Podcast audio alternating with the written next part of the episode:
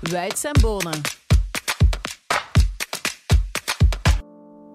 Beste wielerliefhebbers, het eerste monument van het jaar ligt achter de rug. Milaan Sanremo. Het was, een, uh, het was een heel mooie editie, een editie om van te smullen. Er was die fenomenale afdaling hè, van uh, Matej Mohoric, de winnaar. De even fenomenale comeback van uh, Mathieu van der Poel.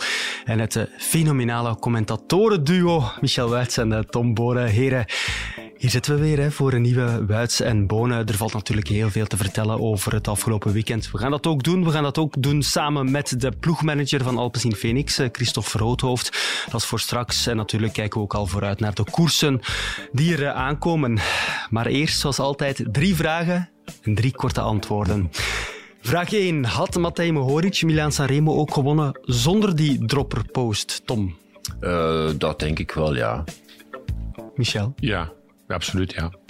Had Primoz Roglic zijn kopman Wout van Aert beter moeten bijstaan?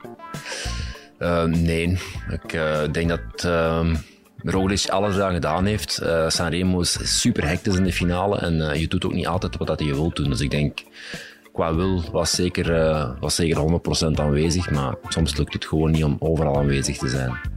Um, soms is alles niet genoeg. Uh, Roglic zat daar beneden op de Cavalotti nog moeten bij zijn. Om het werk dat Van Aert nu zelf moest opknappen voor zijn rekening te nemen. Hoe groot, Michel, is intussen de druk bij Quickstep Alpha Vinyl geworden? Um, onrust vooral, onrust. En van onrust komt druk. Maar we gaan nu een bladzijde omstaan en ik hoop dat ze dat ook op vlak van gezondheid zullen kunnen.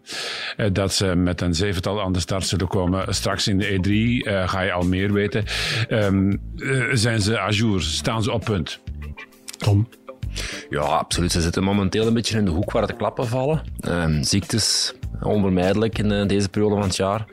Maar op dit niveau, zoveel, zo hard, zo lang, dat is, uh, dat is iets wat je niemand natuurlijk ook niet toewenst. Je kunt uh, de perfecte voorbereiding hebben. Je kunt, je kunt gaan zeggen dat er misschien niet echt een hele grote kopman aanwezig is, maar dat maakt allemaal niet uit als die ploegen aan elkaar hangt. Die zijn allemaal gezond, hebben die nog altijd een, een heel stevige ploeg waar ze koers, koersen mee kunnen winnen. Maar als de helft van je ploeg in één keer wordt, wordt ontnomen door ziekte, dan, dan wordt het moeilijk. Dus ik denk dat we ze nog altijd wel de marge moeten geven die ze ook verdiend hebben de afgelopen jaren. En hopen dat ze het beter kunnen doen, nu dat het beter kan gaan en dat de gezondheid terugkomt. Hun koersen komen eraan. Hè? Ze gaan hun koersgedrag wel moeten aanpassen, maar dat gaan we straks misschien nog wel bespreken. Ja, we gaan er straks nog dieper uh, op door, inderdaad, Michel. Goed, heren. Laten we eraan beginnen. Michel, je bent uh, gisteren met de auto teruggekeerd hè, vanuit uh, Italië. Was het een goede terugreis? Oh ja, toch wel toch wel, um, met Geert Lamberts en, uh, van de managers hier. En uh, we hebben een tal van onderwerpen besproken. Uiteraard nog vaak op de koers teruggekomen. Hè? Ja. Ja. Waarom niet met het vliegtuig, Michel? Um, omdat wat oudere heren graag of liever wat dichter bij de grond blijven. En onderweg ook Slow. een lekkere hap willen meepikken. Ja, ja. Slow traveling. Slow traveling, oké. Okay. Maar fijn dat je hier toch uh, op tijd bent. Milan Sanremo, heren. We moeten het hebben over uh, Mathieu van der Poel, over Pogacar, over de winnaar natuurlijk uitgebreid. Maar laten we beginnen met Wout van Aert. Dit was in elk geval zijn eerste reactie onmiddellijk na de aankomst. Wat teleurstelling. Uh... Wat nou? Ik denk ik uh, te veel energie verspil met de uh, aanvallen van Pogacar. En dan in de afdaling, uh, als Moritz passeerde, wist ik direct dat het gevaarlijk was. En toen ik wou inschuiven, uh, kwam ik eigenlijk net niet goed door. Ja, en uh, als die 10 meter heeft, dan wist ik dat het eigenlijk heel gevaarlijk was. En beneden is het, het spel van altijd.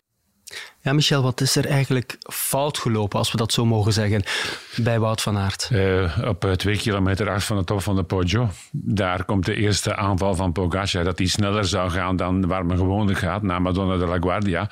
Dat was te voorspellen, want hij moet het hebben van een langere aanval bergop. En bovendien heb je daar niet met dubbele cijfers te maken qua percentage. Dus dat dat vroeger zou gebeuren, dat wel. Maar zo vroeg dat dat niemand zich kunnen voorstellen. En dan doet hij dat vier keer.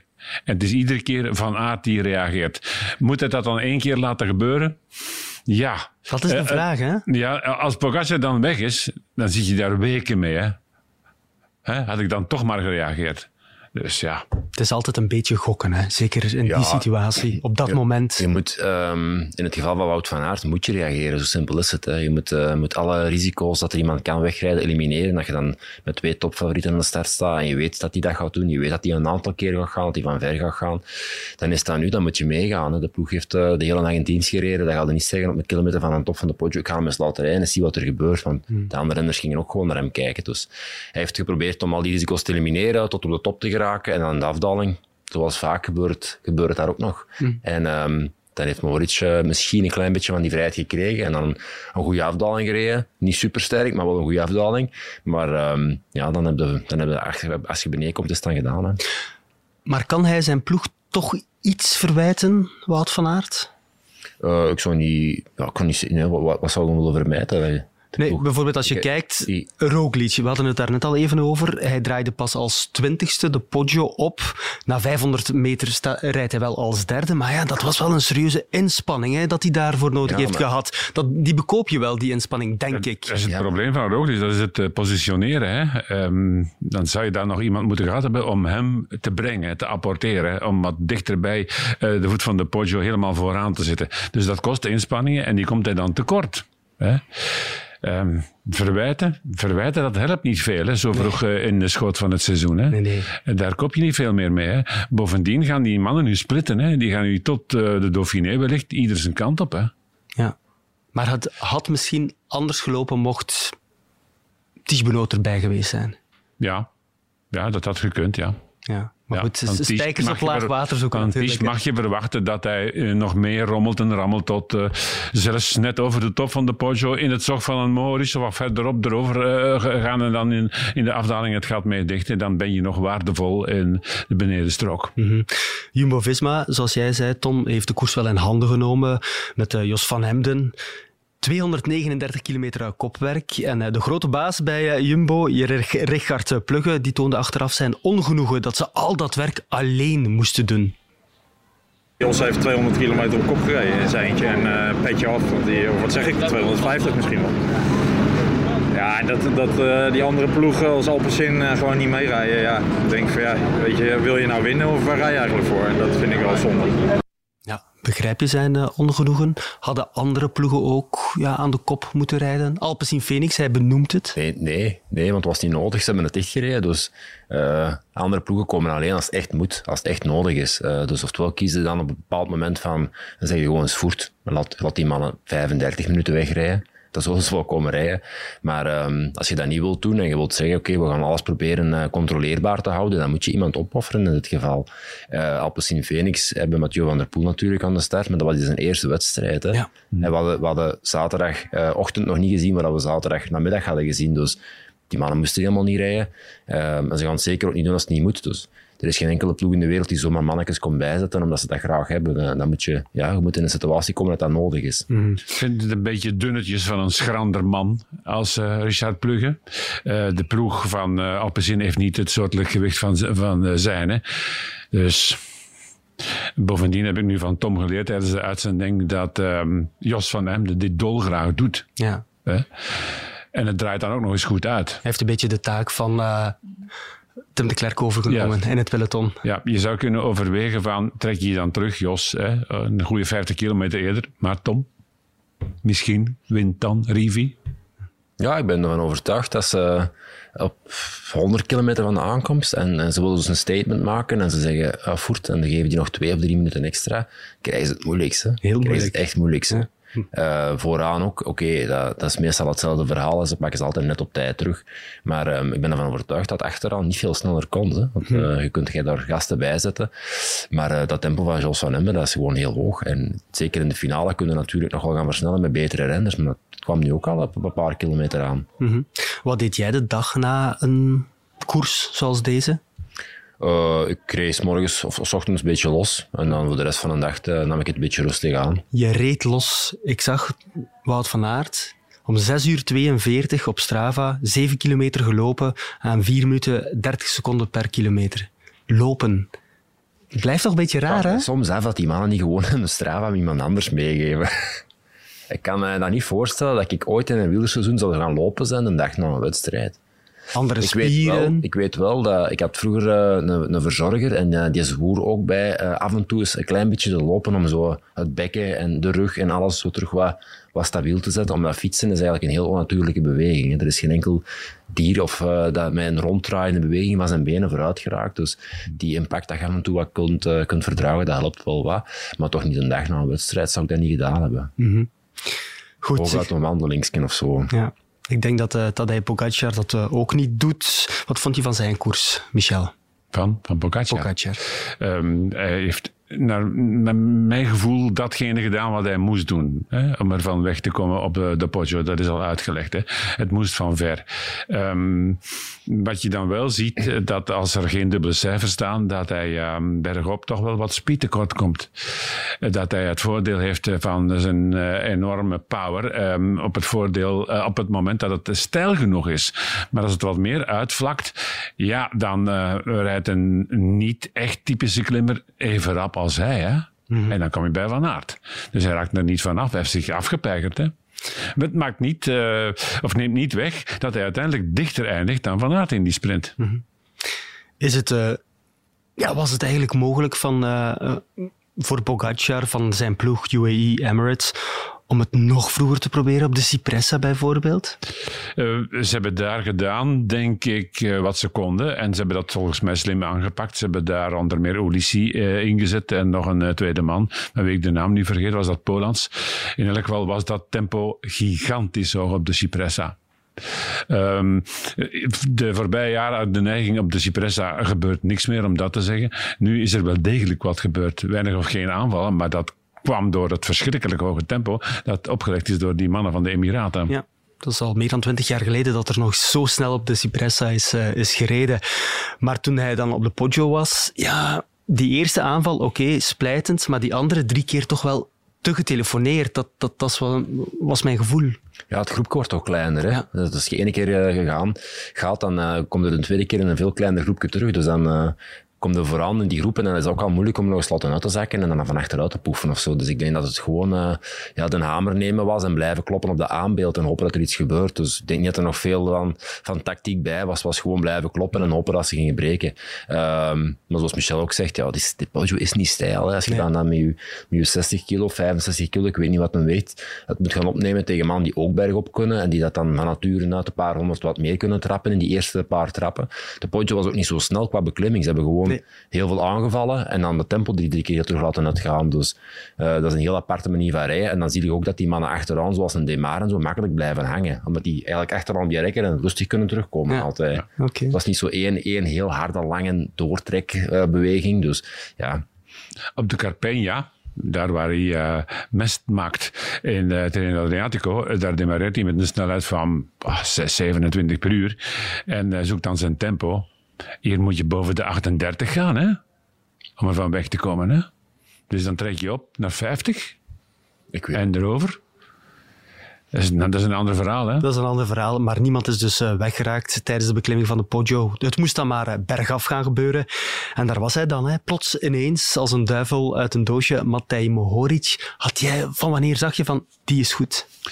Ja, goed. Goed, dat weet je niet, hè. Dat hij goed is. Je, weet, op een bepaald moment gaat hij daaraan. Hij, hij redt zich bijna uh, het hoofd in, in, in, dat gootje, omdat hij naar beneden aan het kijken was. Dus dat er allemaal een beetje klungelig uit. Uh, maar dan begint hem toch uh, stevig tempo gaan te dalen. Uh, het was zeker technisch niet de meest hoogstaande afdaling dat ik al gezien heb. Dat is de van. meest klungelige van de voorbije 30 ja. jaar. maar dat had, had, wel, had wel ballen. Met de, met wel... de zogeheten dropper. Ja. Um, op de Poggio, laatste strook. Hij draaide als vijfde, hè. Dat was nauwelijks na de top 4. Hè. Een seconde, anderhalf seconde, meer niet. Daar was zijn voorbereiding al begonnen en heeft daar zijn dropper ook ingeschakeld. Hè. Mm -hmm. We hebben het straks nog uh, over die dropper, maar uh, eerst over de mens, over de renner. Want ja, het zijn nog altijd de benen die het uh, moeten doen. Moeten we verrast zijn over die overwinning van uh, Mohoric? Helemaal niet. Mohoric is, uh, is een kanon. Hè. Dus, uh, bij de jeugd wereldkampioen bij de junior, bij de belofte. aaneensluitend zelfs. Dus, ja. Niet veel of nooit gebeurd, dat weet ik eerste zelfs niet. Ja, eerste jaar eerder gebeurd. Nog nooit eerder gebeurd. 2012 bij de junioren, ja. ja voor, um, voor wie? Weet je wie dat tweede was toen? Nee. Ja, ik denk dat, dat, ik het weet, ja. Ja, zeg. Caleb Ewan. Caleb Ewan. Wie was toen negende in die wedstrijd? Sorry, tussendoor even een quiz. allemaal onthouden. Ja, Mathieu van der Poel.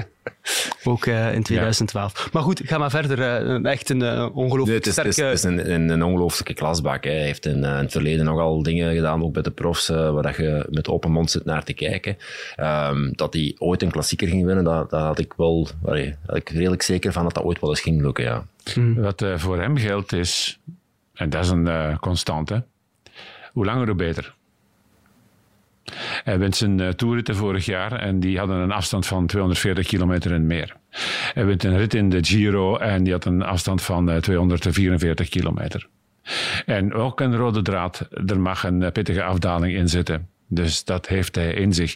In 2017, na toch wel behoorlijk lang wachten, na zijn tweede wereldtitel, wint hij een rit in de Vuelta in Cuenca na een afdaling. Dan rijdt hij weg in een kopgroep en wie zit daarin? Thomas de Gent. Oké. Dan moet je al goede papieren kunnen voorleggen. hè? Mhm. Maar wat ik vooral miste in die eerste jaren van hem, als nog zeer jonge prof, hij is uh, na een jaar bij de belofte overgegaan, uh, is een constante. Die is er gekomen vorig jaar. Met wat meer overwinningen en een constant hoger niveau. Ja, hij is een van die renners die al ritten heeft gewonnen in de drie grote rondes ook. Ja, hè, dus... hij zit bij die, ondertussen zijn er al meer dan honderd. Ja. Kon Mohoric ook wegrijden omdat uh, Pogacar dat toeliet? Dat wordt nu gezegd hè, in de analyse achteraf, maar ja, toeliet. Pogacar, zijn energie was misschien gewoon op. Ja, dan zou ik in het hoofd van uh, Pogacar moeten kunnen kruipen. Maar uh, dat je reflexmatig zegt van, oh, dat is er eentje van onze contraien. Ik ga een opening maken, want ik ga hem doorlaten. Dat zou kunnen. Ook al die verstanden van, dan moet een ander het maar oplossen. Ja. Okay. Ik denk dat dat vaak tegenovergestelde is. Hè. Zo landgenoten onder elkaar in een koproep van een uh, klassieker, of dat dat eerder zoiets is van, mm, als hij, liever hij niet. Zo ja. aandacht. Wat, wat ik wel denk, is dat er eh, op dat moment zeker um, een, een beetje een strobbeling is geweest, of misschien net zijn bocht niet goed gepakt of zo, Pogacar, en dat er dan een klein gatje is geweest, en dan wel heeft gedacht van, ik ga dat tactisch gebruiken. Je hebt iemand dat er een paar 50 meter voor hebt of zo, dat je dan eh, de rest de druk terug op de schouders legt, omdat we kan profiteren. Want hmm. hij werd ook niet aanzien als de man dat het in een sprint moest gaan doen. Er waren nog best wel wat snelle mannen bij. Ja. Dus dat hem dan uh, Mohoric heeft gebruikt eigenlijk om tactisch een beetje zijn, zijn voordeel te behalen. Maar ja, het, was, uh, het heeft verkeerd tot gedraaid voor hem en goed voor Mohoric. Ja. Je, je, zou nog een stap verder kunnen gaan. Hè. Je zou kunnen zeggen, ah ja, uiteraard hebben ze wat voor elkaar over, want het zijn twee Slovenen en ze voeren allebei olie uit. Goed, zoals beloofd, straks meer over de dropperpost van uh, Mohoric. Maar laten we het eerst even hebben over de comeback-kit. Mathieu van der Poel, derde bij zijn uh, terugkeer op het uh, allerhoogste niveau. En toch was hij een beetje ontgoocheld. Een gemiste kans. Voelt het als een gemiste kans? Ja, toch wel, maar zeker als koersrijden. Ik denk ook dat Mohoric niks gestolen heeft, ook niet natuurlijk. Dus Sanremo is gewoon wat ik zei, het is een heel moeilijke koers en alles moet meezitten. En ja, het is jammer, maar ik ben ook wel tevreden. Als je twee of drie dagen geleden had gedacht dat je hier in de mixzone bij de top 3 zou staan, dan valt dat wel mee, denk ik. Hè? Ja, daar had ik meteen voor getekend. Dus uh, in dat opzicht kan ik alleen maar tevreden zijn. Ja, meteen derde. Natuurlijk weten we dat Mathieu van der Poel niet start als hij niet goed genoeg is. Maar derde worden was toch straf, hè, Tom? Ja, dat is echt straf. Ja, dat is echt straf. Ik denk dat dat zwaar onderschat wordt. Uh, ook mentaal, zonder voorbereiding tussen haakjes. Want je komt uh, natuurlijk supergoed getraind aan de start. Maar Mathieu is ook iemand die, die, laat dat zich van, zich van zich afglijden. Die start effectief uh, in Milaan-Sanremo als een eerste wedstrijd met het idee van ik ga hier gewoon uh, meedoen in de finale. En je zag dat ook aan de manier waarop op zijn fiets zat. Hij was heel zelfzeker en liet zich niet intimideren door andere mannen die al wel een paar koersen gewonnen hadden dit jaar. En dat is wie hij is. Hè. Dat, eh, dat, maakt het ook zo mooi. Hè? Hij is onvoorspelbaar, hij doet rare dingen, hij rijdt rare programma's, hij rijdt mountainbike, hij rijdt alles bij elkaar. Um, hij heeft dan een rugprobleem, ook weer een hoop vraagtekens, wordt nooit heel duidelijk over gecommuniceerd. En dan in één keer staat hij toch aan de start van Milaan Sanremo, terwijl er twee dagen geleden nog geen sprake van was. Dus het is een speciaal figuur en um, ik hou er ook wel van om, om er naar te kijken.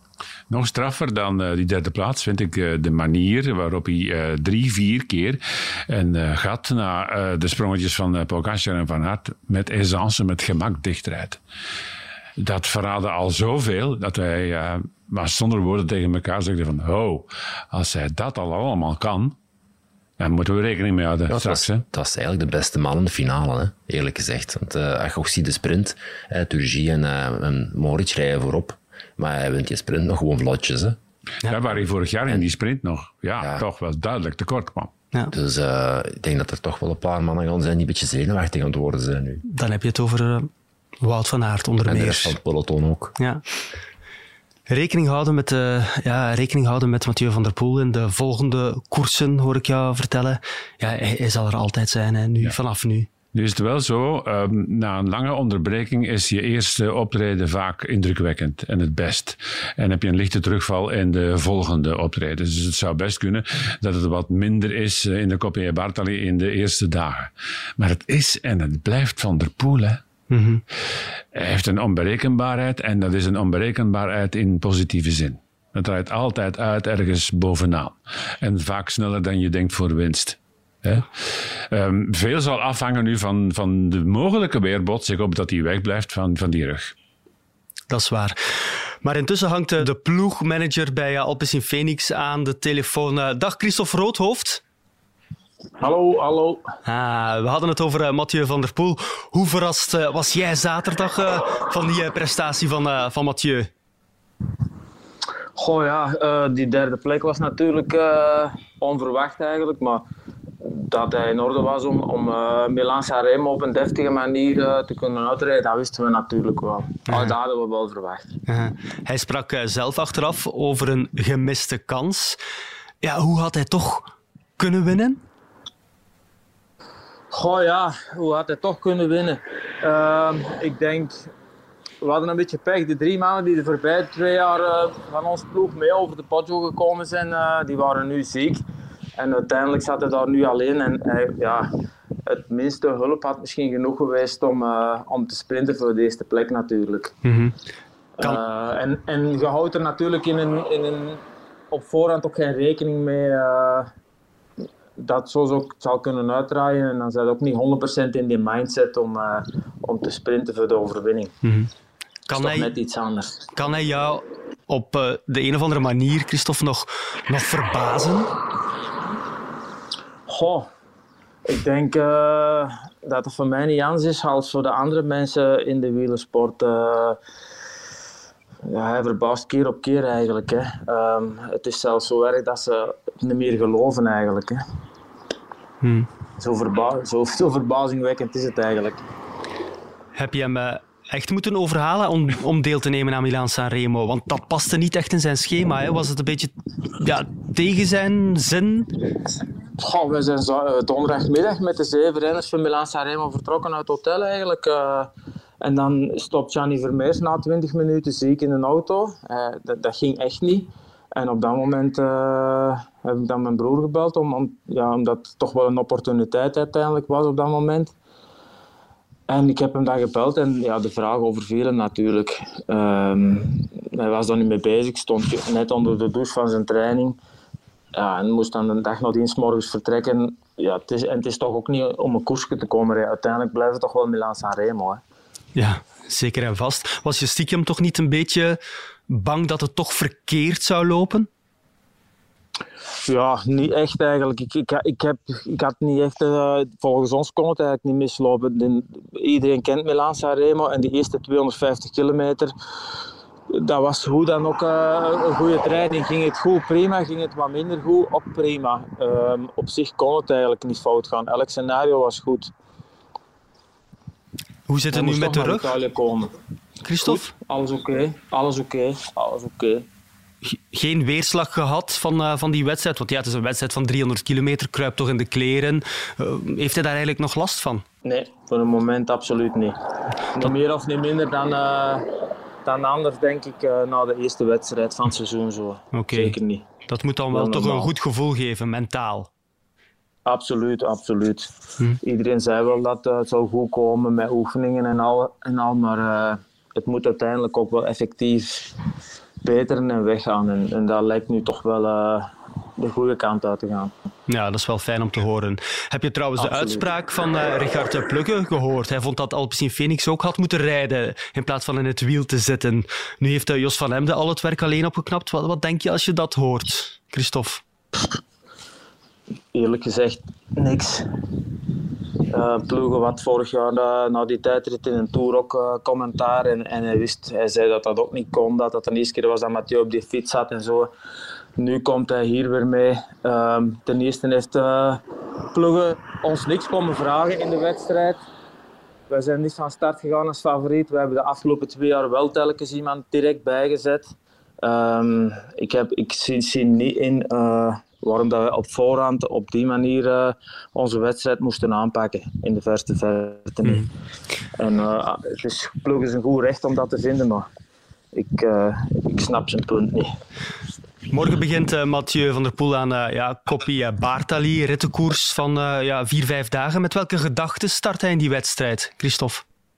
Ja, wij zien het toch vooral als laatste voorbereiding richting die, die klassiekers die er nu aankomen. En los van hetgeen dat er nu gebeurd is in Milan Sanremo, komt hij naar hier om wat wedstrijdritme en wat wedstrijdhardheid op te doen. Um, dat is eigenlijk onze enige ambitie. Ja, en daarna alles nog altijd zoals gepland, dwars door Vlaanderen, Ronde van Vlaanderen. Welke andere wedstrijden ja. nog? Ja, dat zullen we zien. We gaan eerst dwars door Vlaanderen, Ronde van Vlaanderen. En dan kijken we wel verder uh, wat, dat, wat dat er eventueel nog bij komt. Uh, Oké. Gaan we alles uh, weer kunnen volgen op Strava? Want hij deelt dit jaar echt al zijn gegevens, zijn wattages, zijn hartslag. Waarom doet hij dat? In tegenstelling tot bijvoorbeeld ja, Wout van Aert, die deelt wel, maar zeer karig, niet alle gegevens. Ja, dan kan iedereen zien wat hij doet hè, en wat hij ook niet doet. En, en uh, uiteindelijk wordt er dan verteld uh, dat hij een mistgordijn optrekt en niet duidelijk is. Maar nu kan iedereen het volgen.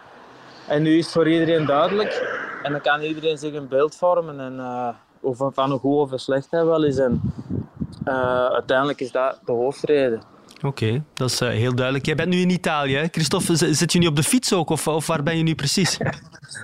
Ik heb uh, een ritje gemaakt richting San Marino. Ah. Maar dat was niet echt uh, succes, moet ik zeggen. Oké, okay. dank dat we jou even mochten bellen. Maar Michel Wijs heeft misschien nog wel een vraag voor jou, Christophe. Ja, Christophe, welke kaart gaan jullie trekken in E3 Harelbeke en, en Gent-Wevelgem? Ik neem aan ja, de panel dat Merlier wordt.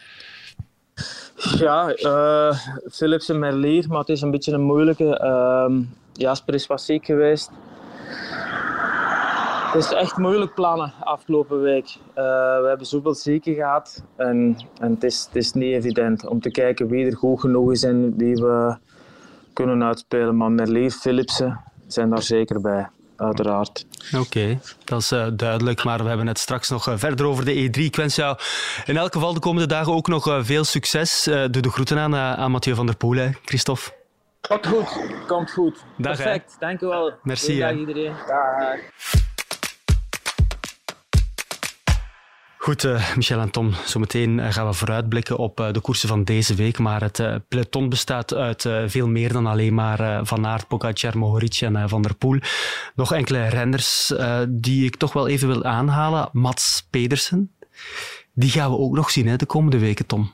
Um, dat is te hopen. Hè. Mats is iemand die nu op niveau zit waar dat hij verwacht wordt. Maar hij is heel wispelturig in zijn vormpeil en uitslagen en ik hoop dat hij nu eindelijk uh, er is en, er blijft staan. Dat zo zeggen. Ik kijk inderdaad heel hard uit naar, eh, naar de volgende weken met hem. -hmm. Wat verwacht jij van, uh, van die jongen? Ik was onder de indruk van datgene wat hij deed op de Cipressa. Met andere woorden, daar zitten, volgen en vrij dicht. Is nooit buiten de top 10 geweest. En dat is toch al een stevig signaal naast datgene dat hij al uh, gegeven had. En uh, het uh, tweespel met Stuiven, hè, dat interesseert mij zeer. Hè. Ik hoop dat Jasper ook op niveau gaat staan. En dan wil ik wel zien waar ze uitpakken en hoe ze dat gaan doen. Ja, Jasper Stuyven was uh, ziek, helaas. Uh, wie ook ziek was tijdens de koers of ziek is geworden, Tom Pitcock. Maagproblemen blijkbaar. Ja, ook wispelturig in zijn... Ja, maar, ziek worden kan natuurlijk altijd. Dat heeft niet veel te maken met een, een, een krommend vormpeil of zo. Maar Pitcock heeft gewoon een heel bizarre voorbereiding op die Vlaamse klassiekers gehad. Ik denk dat dat bijna onmogelijk is om dan standvastig te presteren. Ik denk wel dat hij nog kan presteren, zeker de volgende weken. Maar um, je kunt niet verwachten dat je dan vier, vijf weken op hetzelfde niveau kunt, kunt gaan aanvatten. Dat gaat gewoon niet. Mm Die basis is er niet. Ja, hij heeft uh, trouwens een, een boete gekregen van 500 Zwitserse frank wegens ongepermitteerd gedrag. Hij uh, heeft een uh, sanitaire noodstop gemaakt langs, langs het parcours. Maar, maar, moet je daar een boete voor krijgen? Want ja, als je... Oh, krijgen ze. Iedere koers zijn er boetes voor ongepast gedrag van ja. mensen die daar aan het plassen zijn en per ongeluk op iemand zijn voeten geplast hebben. Ja. Het is gewoon ook, allee, staan helemaal Sava nog, maar je kunt niet overal stoppen waar je wilt. Hè. Nee. Dus de plaatsjes waar er geen publiek staat, of nee, stond hè, vroeger. En nu komt er terug publiek bij. Die zijn soms schaars, hè, zeker in een wedstrijd zoals de Ronde van Vlaanderen of die Vlaamse klassiekers. Dan uh, moet je goed plannen. Ja, maar blijkbaar was het bij hem niet alleen uh, plassen. Goed, Fabio Jacobsen. Uh, Patrick Lefever heeft gelijk gehad, hè, Michel? Moest snel lossen, toch te zwaar ja, voor Ik had het ook niet anders verwacht hoor. Nee. Het is al niet het uh, tippen om over uh, heuveltjes te geraken van dit kaliber. Uh, pas dat verrekenen is die Pressa 5,6 kilometer lang. Dat hij de Poggio zou halen, dat was voor mij ondenkbaar. Dus ik was niet verrast. En je hebt ieder jaar wel beelden van lossende sprinters waar je dan ongelukkig genoeg een kruis moet over maken. En nou, dat, dat met Jacobsen het geval was, van, daar had ik wel snel vrede mee. Mm -hmm. Goed, heren, straks kijken we naar de koersen die eraan komen. De E3 Saxo Bank Classic en ook Gent-Wevelgem. Maar eerst uh, moeten we het nog hebben over een paar technische snufjes. En een van die snufjes heeft uh, Mohoric dus gebruikt dit weekend. In het mountainbike wordt het al even gebruikt, maar de zogenaamde dropper post ja, zal nu ook wel een hype worden, zeker Tom, op de weg.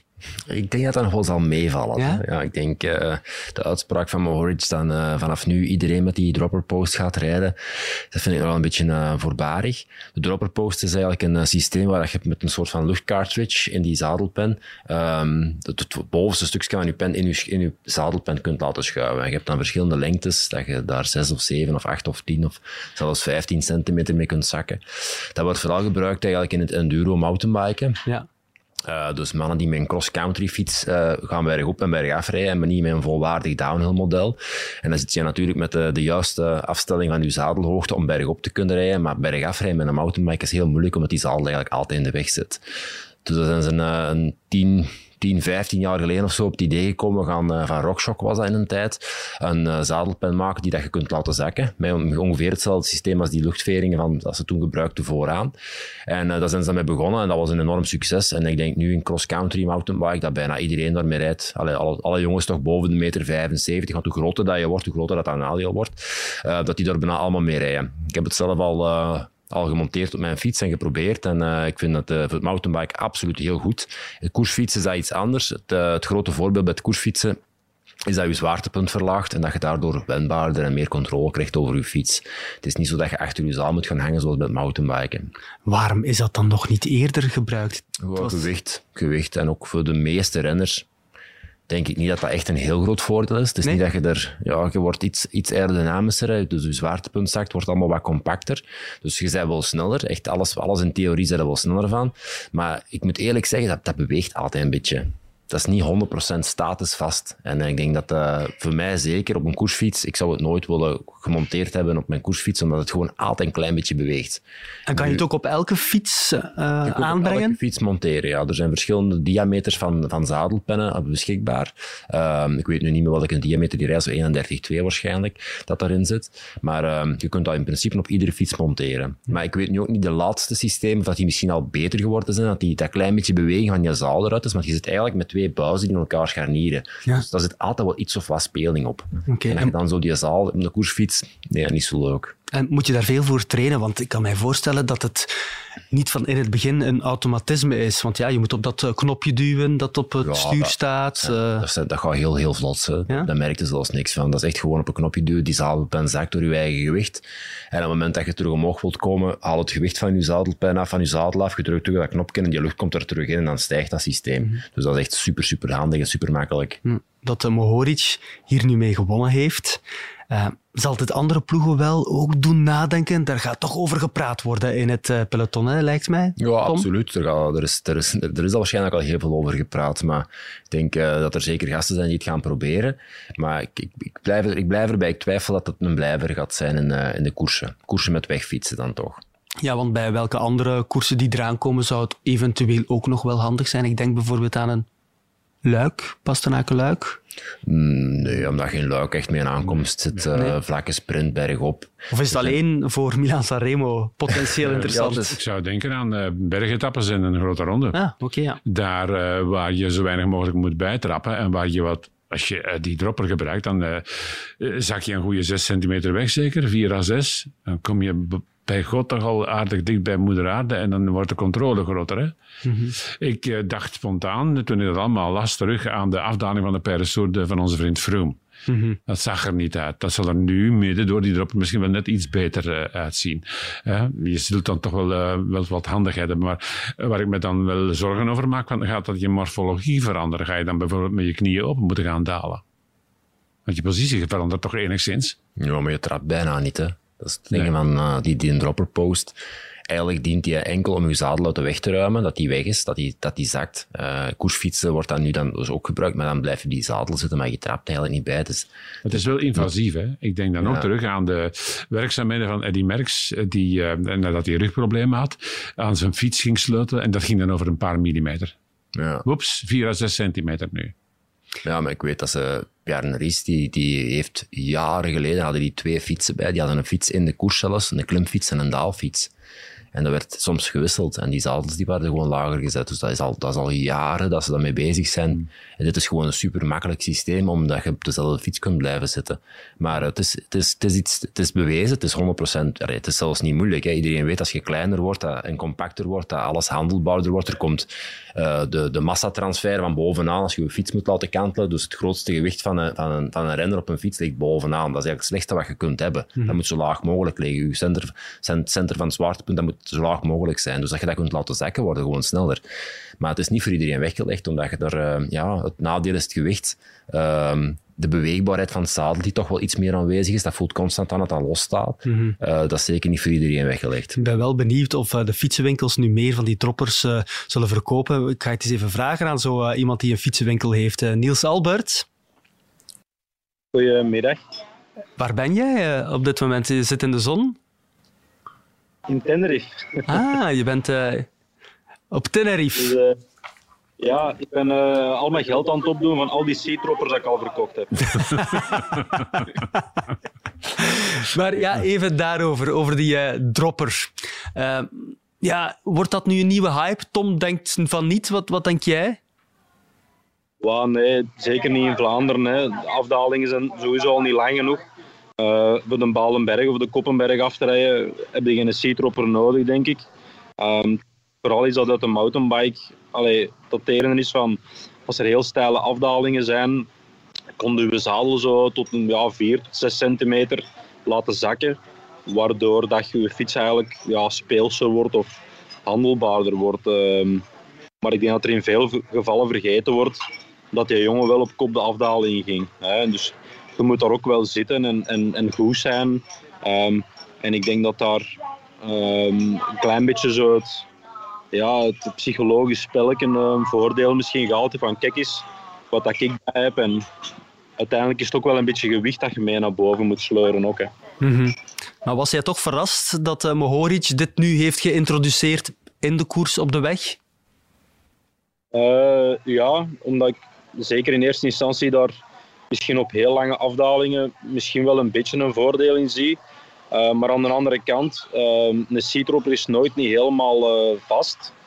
Met als gevolg dat je toch altijd wel zo een beetje, ja, ik zal zeggen, ja, frictie hebt op je zaal. Um, zeker na x aantal tijd, want daar komt altijd wel wat speling op.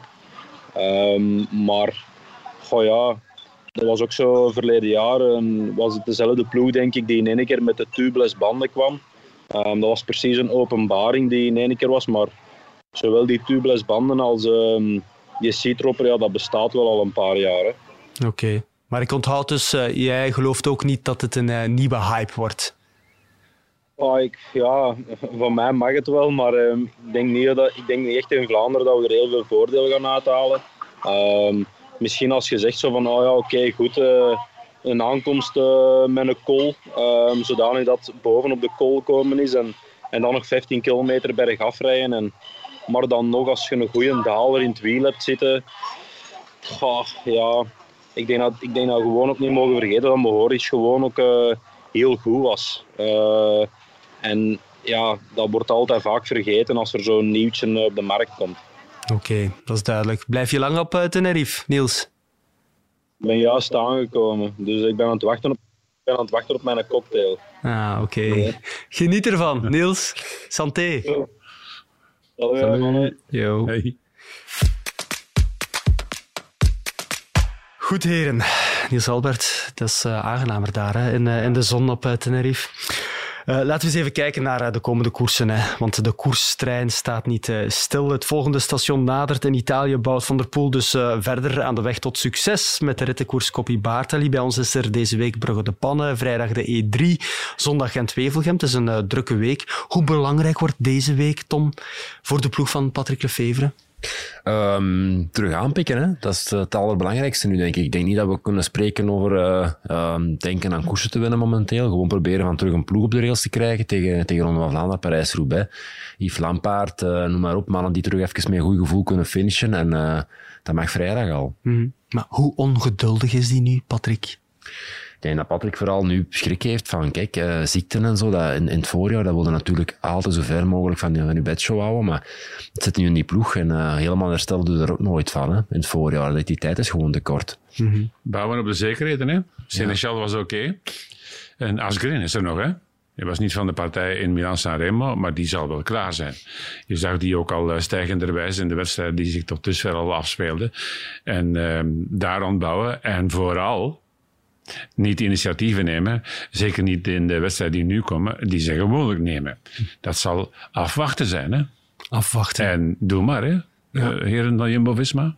Alsgreen, de winnaar van vorig jaar, van uh, de E3 ook. Hoe belangrijk is deze koers als graadmeter voor de Ronde van uh, Vlaanderen, Michel? Ik zou dat niet alleen langer als een graadmeter gaan beschouwen. Hè. Er kan er maar één de Ronde van Vlaanderen winnen. Hè. En een topfavoriet die ernaast plakt in de Ronde van Vlaanderen, dat is een verliezer. Hè.